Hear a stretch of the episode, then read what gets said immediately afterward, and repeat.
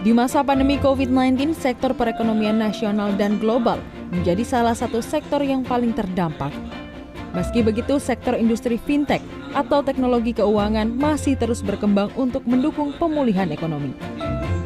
Berdasarkan data dari Aftek atau Asosiasi Fintech Indonesia 2022, ada 306 penyelenggara fintech di Indonesia dengan lebih dari 20 jenis layanan digital. Di antaranya pembayaran digital, pinjaman online, hingga perencanaan keuangan. Sekretaris Jenderal Aftek, Budi Ganda Subrata mengaku, pandemi membawa dampak positif terhadap sektor fintech. Masyarakat terutama pelaku UMKM harus beradaptasi agar dapat bertahan.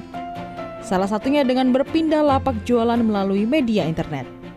Mereka juga beradaptasi dengan menggunakan layanan fintech untuk melakukan pembayaran digital kalau sebelum pandemi memang kita lihat adopsi fintech itu kan juga sudah meningkat ya. Tapi justru kalau memang ada silver lining dari apa yang terjadi di pandemi itu justru semakin terakselerasi adopsi terhadap solusi pembayaran digital maupun solusi keuangan digital.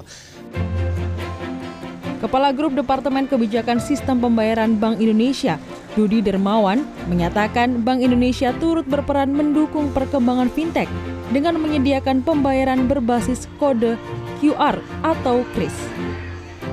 Salah satu hal yang paling banyak digunakan dan sebagai game changers tadi uh, disampaikan oleh Pak Gubernur juga bahwa KRIS ya QR uh, Indonesia Standar itu sudah uh, mencapai lebih dari 31 juta pengguna plus lebih dari 22,2 juta dari merchant.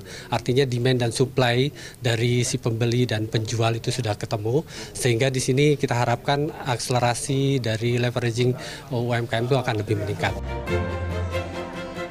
Dudi menambahkan Bank Indonesia telah bekerja sama dengan Jepang memperluas penggunaan kris Indonesia di Jepang.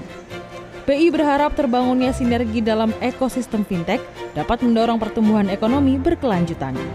Syifa Hanifah, Fajar Ahmad, Yogyakarta.